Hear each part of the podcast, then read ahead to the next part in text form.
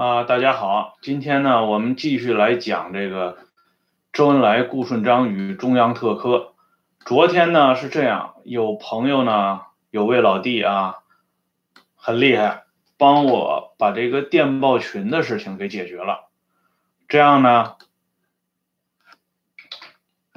现在就有了这么一个电报群，我把这个链接呢发上来。凡是喜欢咱们这个温相说党史节目的朋友们呢，都可以点击这个链接加入这个电报群，这样呢，大家就有机会在一起聊聊天儿，说说话。昨天的节目里边呢，我一直想回应一个很多网友曾经提出来的一个疑问，就是说，这个吴德峰的老婆戚元德。和他的弟弟戚元敬，这两个人的年龄上面的问题，之前就有网友问过。后来呢，他们还有一部分人在微信上边讨论过这个问题，说这个戚元敬应该不不应该管这个吴德峰叫姐夫吧？因为他这个年龄差的太大了。吴德峰是一八九六年生人，而这个戚元敬呢是一九二九年四月二十九号出生。两个人的年龄相差三十多岁，但是呢，我可以先给大家说一下，这个戚元德和戚元敬呢，确实是亲姐弟。戚元德的出生年龄呢是呃，出生年月是一九零五年，这个戚元敬呢是一九二九年，两个人相差二十四岁，因为戚元敬是戚元德继母所生，这两个人属于同父异母姐弟。因此呢，这个话题呢说到这儿，大家就应该清楚了。关于戚元敬最后的结局，他当担任了国家冶金部部长，最后呢，他的这个结局其实也很有意思啊，就是呃，应该说呢，跟咱们这个特科也有那么一丁点的联系，但是不是今天的主题，所以呢，这里不做更多的渲染。今天要讲的是，就像我这题目写的。周恩来、吴德峰、侯静茹、戚元德这四个关键人物在中央特科的一系列表现，特别是这侯静茹。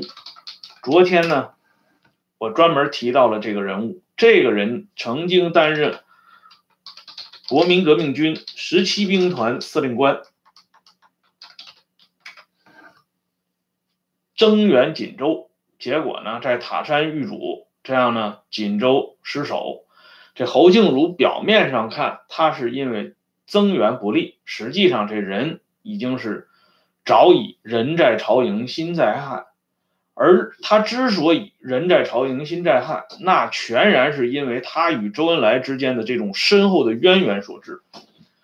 一般来讲呢，我们都知道这侯静茹是黄埔一期毕业的，那么他跟周恩来之间的关系，自然可以联想到是一种师生关系。那么他跟这个中央特科的吴德峰、戚元德夫妇，他是一种什么样的关系呢？现在我们就来仔细的谈一谈。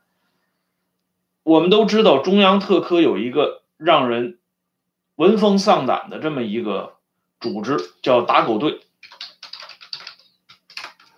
可是呢，大家要清楚啊，这个打狗队并不是中央特科最早的原创版权。而打狗队最早的原创版权就是在吴德峰的身上。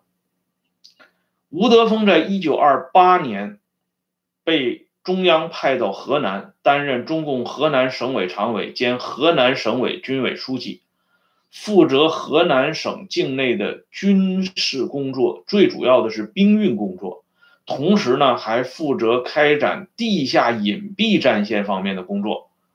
具体说起来就是特务工作。吴德峰到了河南以后，他就发现有一个问题，就是说当时白色恐怖很厉害，国民党方面呢抓共产党是一抓一个准儿，一抓一个着。为什么呢？一方面是由于这个党刚开始进入到武装斗争阶段，这经验呢不丰富，处于完全弱势地位；再一个呢，就是他的这个党组织内部叛徒太多。经常有告密的，因为告密呢就能够领到赏钱，这个是党内最早的这五毛。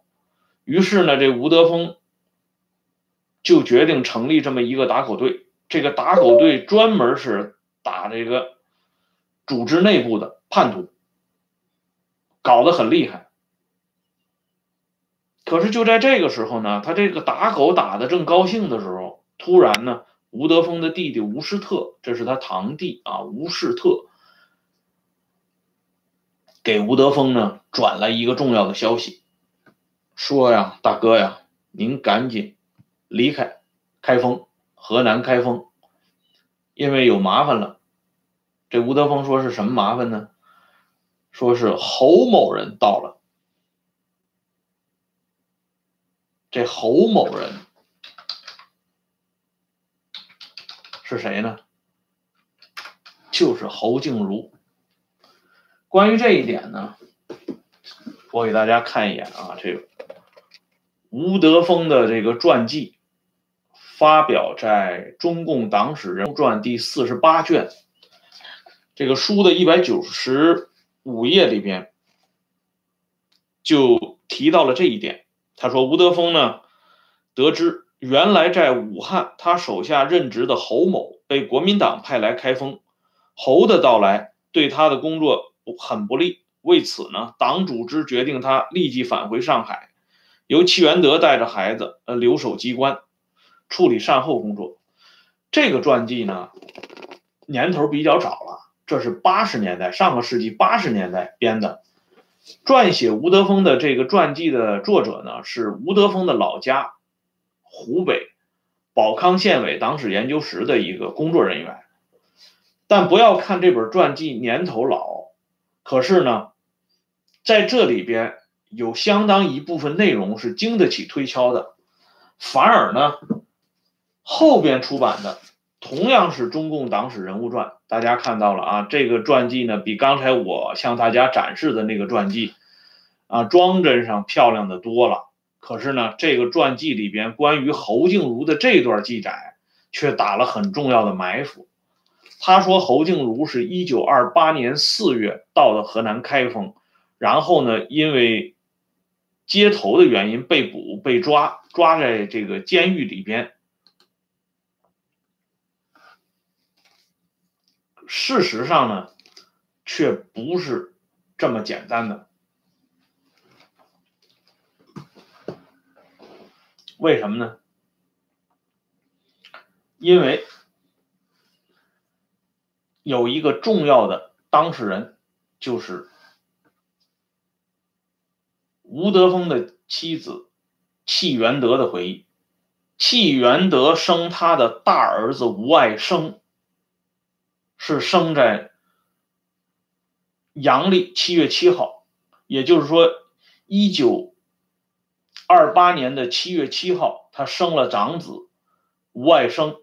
而当吴爱生三个多月的时候，戚元德抱着孩子到了河南开封，在开封火车站呢，碰到了另外一个著名的党史人物郭树深。郭树深在开封火车站与戚元德相遇，啊，大家呢在一起聊了一会儿，简单的接触了一下。从这个时间上可以推断，事实上吴德峰和戚呃戚元德他们是在一九二八年十月底十一月初到了开封。而如果说侯静茹是在一九二八年四月被捕的话，那么至少说明，到了一九二八年十月和十一月的时候，这侯静茹已经叛变了，已经投靠了国民党。但是在侯静茹的传记里边，对这个侯静茹是什么时候为国民党开始做事儿，从这个中共的党组织里边脱身出来，重新效力于国民政府，这个时间呢，整个是语焉不详。只是提到了一九二九年五月份，侯静茹他们利用一次偶然的机会呢，跑了出去，这样呢就把中间的这一大段时间无形中就给消失掉了。这自然也就给我们了解侯静茹在一九二八年下半年他在开封干的这些事情，增添了很多的困难。万幸的是，戚元德老太太在去世之前，就是说她在一九七四年去世之前，留下了一个重要的口述材料。这个材料里面向我们正式的展示了侯静茹在一九二八年十月份已经开始替国民党做事了。而这个侯静茹替国民党做事的事情呢，马上由吴德峰向周恩来进行了报告和传递。后来吴德峰到了上海以后，见到周恩来的时候，还专门向周恩来提到，说这侯静茹已经叛变了，他给国民党开始做事了。这个情况，希望中央马上予以断然的处置。这样呢，就在吴德峰和周恩来讲述这个事情的时候，周恩来呢居然没有太多的表示，而是微微的一笑。周的这一笑呢，吴德峰也搞不清楚到底是什么原因，而且呢，周恩来只说了一句话：“啊，我知道了。”吴德峰呢？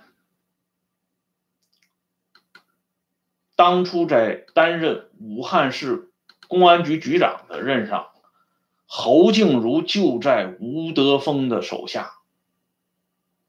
欢迎这位上海的朋友第一次参加直播啊！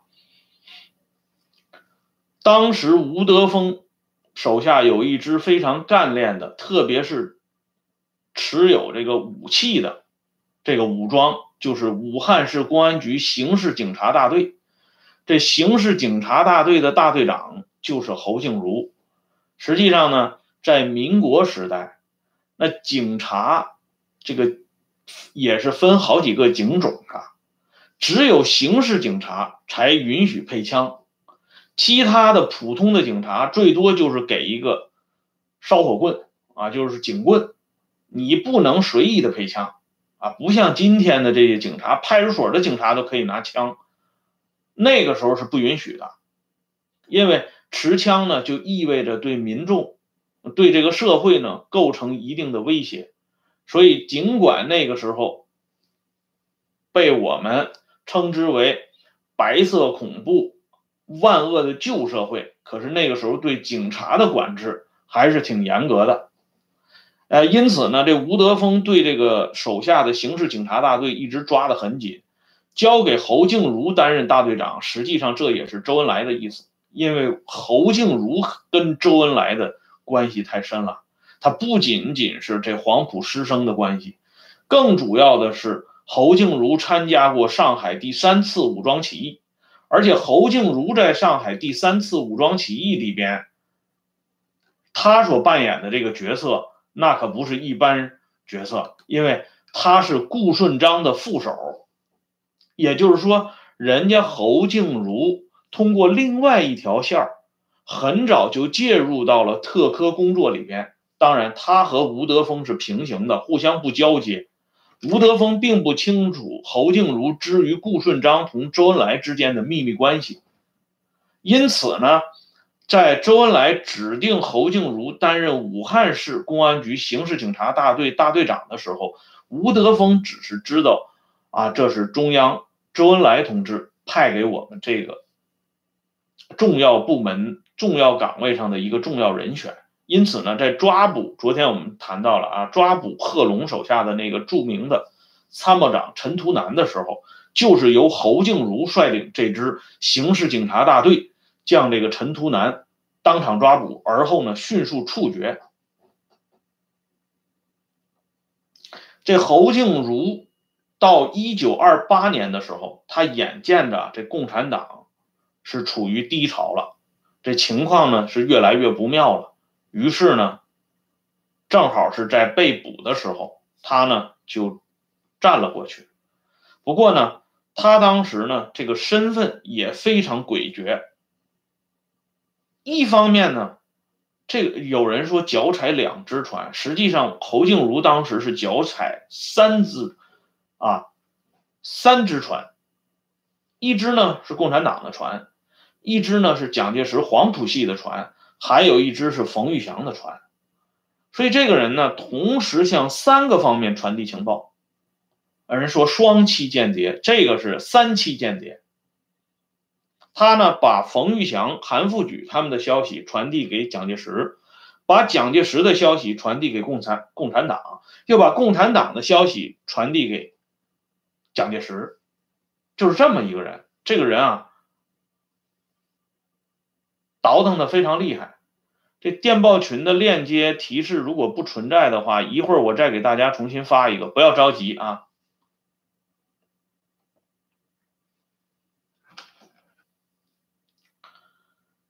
这样呢，这个侯静茹，她本身的这种诡谲的身份呢，事实上就向我们展示出一个特殊的画卷，那就是说，周恩来在整个这个特科工作里边，还埋伏了许多像吴德峰这样的人物都不可能知情的暗线以及伏笔。可笑的是，蒋介石对这位侯静茹。却是相当倚重，在这个辽沈战役最关键的时候，派他做这个十七兵团司令官，疾驰援助锦州。我们都知道毛泽东写过那首诗嘛，悼念罗荣桓的时候写的那首诗：“战锦方为大问题呀。”从历史上讲，明清决战关外的生死决战的最后。一步就是松锦苦战，在松山、锦州一线彻底打垮了洪承畴十几万军队，这样呢，满清完全的控制了关外，所以这个锦州是重要的战略据点。后来日本人发动九一八事变以后，对东北进行整个的鲸吞，也是以拿下锦州为依归。所以大家想想看，蒋介石派了这么一个在历史上完全面目含混不清的人，去到锦州去打援助，且不说这塔山还阻击了他一下，即便是没有塔山来阻击他，这侯静茹能不能救得了锦州，那也是悬着一个很大的问号。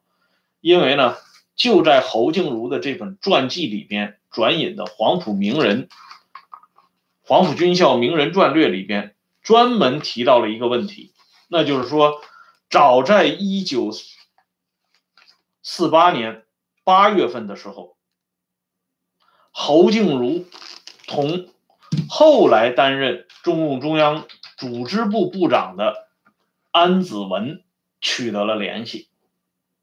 这安子文怎么跟侯静茹认识呢？因为侯静茹在一九二八年四月底。被抓到开封的所谓监狱里边，他与被判刑十一个月的安子文成了好哥们了，就差一点结拜成兄弟了。安子文那个时候处处都听侯静茹的，所以呢，到了一九四八年七八月之际，周恩来让安子文给侯静茹传递了一个重要的口信儿。这个话呢，说的是滴水不漏。他说呢，如能回来，周恩来的原话啊，如能回来，表示欢迎。过去是可以原谅的。大家可以看看，一九四八年七八月份呢，沈阳的解放是在一九四八年十一月二号，就是说辽沈战役在最关键的阶段，人家侯静茹跟他的老首长周恩来已经取得了重要的联系。并且呢，周恩来向侯静茹转转达了过去是可以原谅的。这个所谓过去是可以原谅的，所包含的内容实在是太丰富了。刚才我们不是讲到这侯静茹在开封的所作所为吗？因为侯静茹到了开封，吴德峰不得不离开河南，转赴上海去工作。可以想见，这过去是可以原谅的，意味着侯静茹在河南期间。给共产党造成了什么样的阻碍？但是呢，共产党人具体说到周恩来同志，他的心胸真的是非常宽广的，他既往不咎。那么侯静茹同志呢，又重新归队，他这一归队呢，整个辽沈战役就算是泡了汤了。在整个的这个辽沈战役这个战场上，我们都知道丘吉尔后来不是讲过吗？国民党丢掉了东北，实际上也就输掉了这场战争。这丘吉尔原话不是这么讲的，但是意思是这个意思。作为一个经历了第二次啊世界大战的这么一个老政治家，说出这番话不是没有来由的。在辽沈战役的大决战当中，我们只记着林彪的百万大军，第四野战军是多么的能征惯战，却忘了身处国民党阵营里边这些形形色色的余则成、侯静茹。卫立煌，甚至被蒋介石看成是救命稻草的杜聿明。杜聿明的亲弟弟，那是死在皖北暴动里边的，那是一个非常决绝、坚定的共产党人。而杜聿明的老婆老曹太太，她本身的身份也不很清楚。所以，蒋介石把这样一大盘棋交给这么几个余则成或者是准余则成的人物来打理这个战争，怎么能不输掉呢？相反，我们看咱们的恩来同志，就是那样的运筹帷幄、决胜千里、指挥若定、失萧朝啊，真的是像萧何、曹参都比不上，因为萧何、曹参没有这么多。啊，余则成可供使用啊，所以呢，我们看国民党为什么丢了天下？事实上，从特科工作上这一点，这国民党就已经输了。特科虽然结束在一九三五年，可是特科的灵魂周恩来同志始终站在历史的最高点，向他们的向他的这些学生部下喽啰继续。发号施令，而这些人呢，听到召唤以后，在不同的时间、地点、不同的历史阶段，都回应了这位老首长。他们回应的结果就是彻底把蒋介石父子送到了台湾。这个历史啊，就像我们告诉了这样一个情况。而今天呢，我们都知道，特科仍然在发挥着重要的作用，仍然。啊，像母亲呼唤深海一样呼唤着台湾同胞。所以呢，为什么我们看到台湾很多地方红旗飘飘？其实呢，都是咱们特科的战士在不懈的努力、坚持、奋斗着的。啊，具体这个人名咱们就都不一一点出了，因为我们也不知道。但是这个特科的力量确实是很厉害的。吴德峰离开河南去了上海以后呢，抓这个中央交通局工作，在抓中央交通局工作的过程当中，势必要同这三教九流打交道。这吴德峰的力度呢？外人已经无从得知了，但是内人啊，作为吴德峰的内人，戚元德那是了如指掌。他随随便便在临去世之前，就给大家举了几个小例子。什么小例子呢？他就说家里呢，有一天有一块非常珍贵的金表丢失了。这金表不光是说这个吴德峰的继母。老太太留给吴德峰的念想，更重要的，它是党的重要经费来源呢。关键的时候就可以把这金表给卖了，换钱花。可是这金表突然就丢了，这吴德峰当然很着急，但是吴德峰同时又很淡定。为什么呢？因为人家不是一般的战士啊。吴德峰马上出去了一趟。三天以后，这金表就完璧归赵了，厉害吧？大家都看过沈醉曾经写过的一个回忆录，叫《魔窟生涯》。他在那里边呢，讲述了一件事情，就是说戴笠身上别着一支派克自来水金笔，这是中美技术合作所美方的代表梅勒斯送给戴笠的。这戴笠呢，把他别到胸口，表示他跟梅勒斯之间的这个关系是不熟的。可是呢，他刚这么一显摆，就被贼给偷跑了。这戴笠勃然大怒，要求限期破案。沈坠他们呢，就大显身手，找了好几天，终于把这个贼给找到了。这个贼呢，不知道他偷的是戴老板的笔呀，人已经吓得有如塞糠一般呢。那那戴笠一句话就可以要他脑袋呀，所以呢，这个赶紧战战兢兢的把这支笔还给了戴笠。戴笠居然没有杀这个人啊，认为这个人很厉害，你居然能偷到中国最大的特务头子的身上。戴笠狂笑一声以后呢，把这个人就给放了。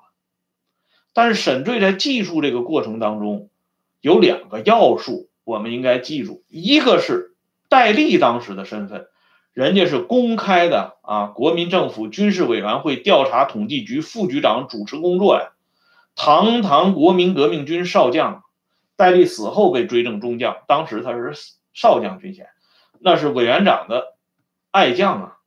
他手下是特务如麻，居然呢有人就能偷到他的头上。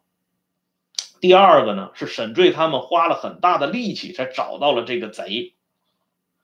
如果这件事情放在这吴德峰同志找这个金表的事儿一看，那跟人家吴德峰根本没法比啊！吴德峰是在隐蔽战线工作呀，他不可能像戴笠那样大张旗鼓的张网去找这个贼呀。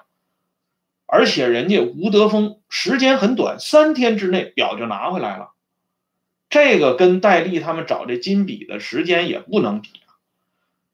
所以就说这吴德峰为什么厉害，就在这儿，人家出去了一趟，找了一下当地的帮会组织，啊，要不怎么说什么事都得找组织呢？干什么事都得有组织，这组织纪律性什么时候都不能忘。这吴德峰到外边找了一下这个帮会组织。吴德峰本身就在帮啊，他跟青红帮这些人都是哥们来着。当然，他是因为工作需要啊，跟这些人处的跟哥们似的。这帮会的人一听大哥有难了，那您就放心吧，这个金表的下落我们负责到底。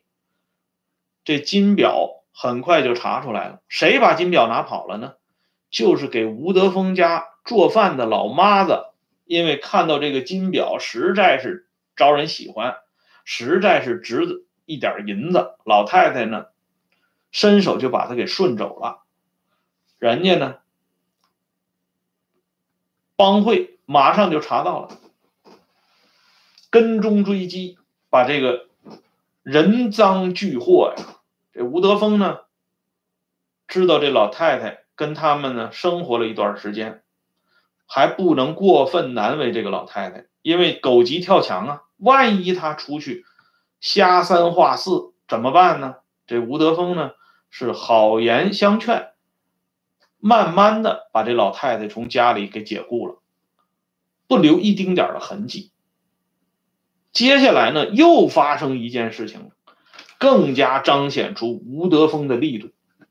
这有一天呢，这戚元德打扮的挺漂亮的，因为他呢是冒充这个正常上班的这上班族的太太，手里呢就拿一个黑色的啊玻璃形状的那种小的包啊，就那个时候那种中产阶层家里的那妇女经常出门带的那种小包，大家从那个电影上也能看到。因为他的这个小包呢，挺扎眼的，从这个商店里一出来，就被一个贼当时就给抢跑了。吴德峰对戚元德有过专门的规定啊，就是说你出门，今天你要去什么地方去接头，比如说戚元德在河南开封的时候，他到烟摊上啊卖烟的地方跟人家接头，那你穿的就得是。初步短衫儿啊，打扮的就像个家庭妇女似的。因为你在烟摊上转悠，你能是啊旗袍高跟鞋吗？不可能的。而你要到百货公司，上海的百货公司逛商店，那你就得穿的差不离儿一点。所以呢，他今天呢，这戚元德穿的就还不错，而且吴德峰还告诉戚元德，如果你出门被人家偷了或者抢了，是情形而定。就是说，如果今天你穿的相当不错的话，你必须去追。为什么呢？如果你这么一个穿着很体面的太太，钱包被人抢了，你不去追，那本身就让人怀疑。你不光追，你还要特别夸张，一边追一边喊。这戚元德就按照吴德峰的要求就去做了。他正在喊和追的时候，这时候窜出来一个男的，特别热情，特别好心，就说：“哎，这位太太，您这包里丢了多少钱呢？”就这么一问，这戚元德马上就想起吴德峰对他的特别嘱咐了，就说，当有人把你这个包偷跑了的时候，在你狂追不止之际。肯定会出来这么一个热心肠、好心人，来问你，这包里丢了多少钱呢？装了多少钱呢？不要小看这一问，这一问就是一个政治考验。为什么呢？因为你的穿着、你的打扮和你带的这个包里边装的钱是应该相符的。事实上。戚元德这包里没装什么钱，就装了一个银首饰和几块几块大洋。但是你不能这么说呀！你要这么说，那不等于直白的告诉你的人的打扮和你的行头它不相符啊。因此呢，这戚元德就按照事前吴德峰向他嘱咐的报了一个钱数。这个钱数非常符合戚元德当时的打扮和身份。这个好心人知道以后呢，就说：“啊，太太您放心吧，我帮您一起去逮这个贼。”又过了三天左右时时间，不超过一周，这吴德峰回家，把戚元德被偷的那个包交了回来，厉害吧？原封不动的拿了回来，而且吴德峰还告诉戚元德，偷你的那个贼已经被帮会组织内部给教训了一顿，啊，打的还不轻，不是因为他偷东西偷你东西挨打，而是因为他欺骗了组织。为什么呢？因为刚才在。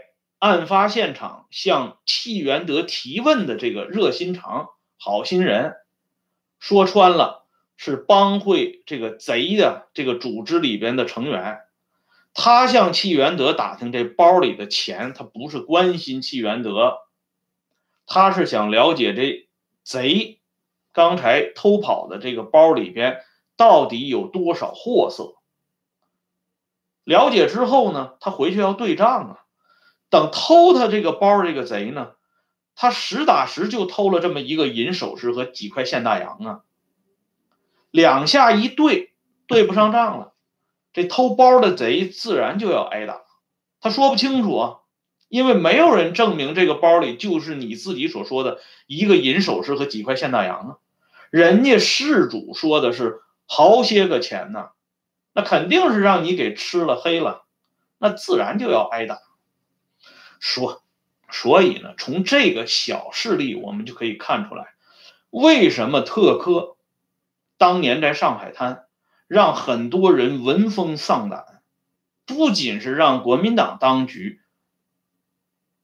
头疼不止，就连这街上的小地痞、小流氓、小偷都怕这特科的人。虽然他们不知道特科这些人的身份，他们的脸上也没写着“兄弟，我叫特科”啊，但是呢。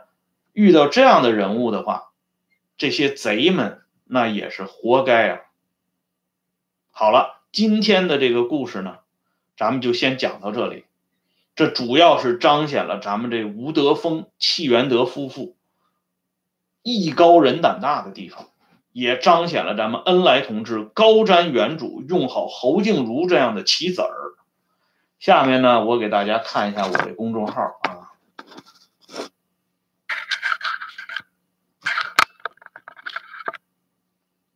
公众号还有这个微信啊，还有个打赏。好了，都看一遍。那么明天呢，我们继续。来讲特科里面的红色娘子军，这个时候我们就不再讲这戚元德了，讲另外几位老大姐，当然他们一样不比戚元德逊色。谢谢大家收看，回头呢，我要把这个电报群的号呢重新给大家再发上来，再见。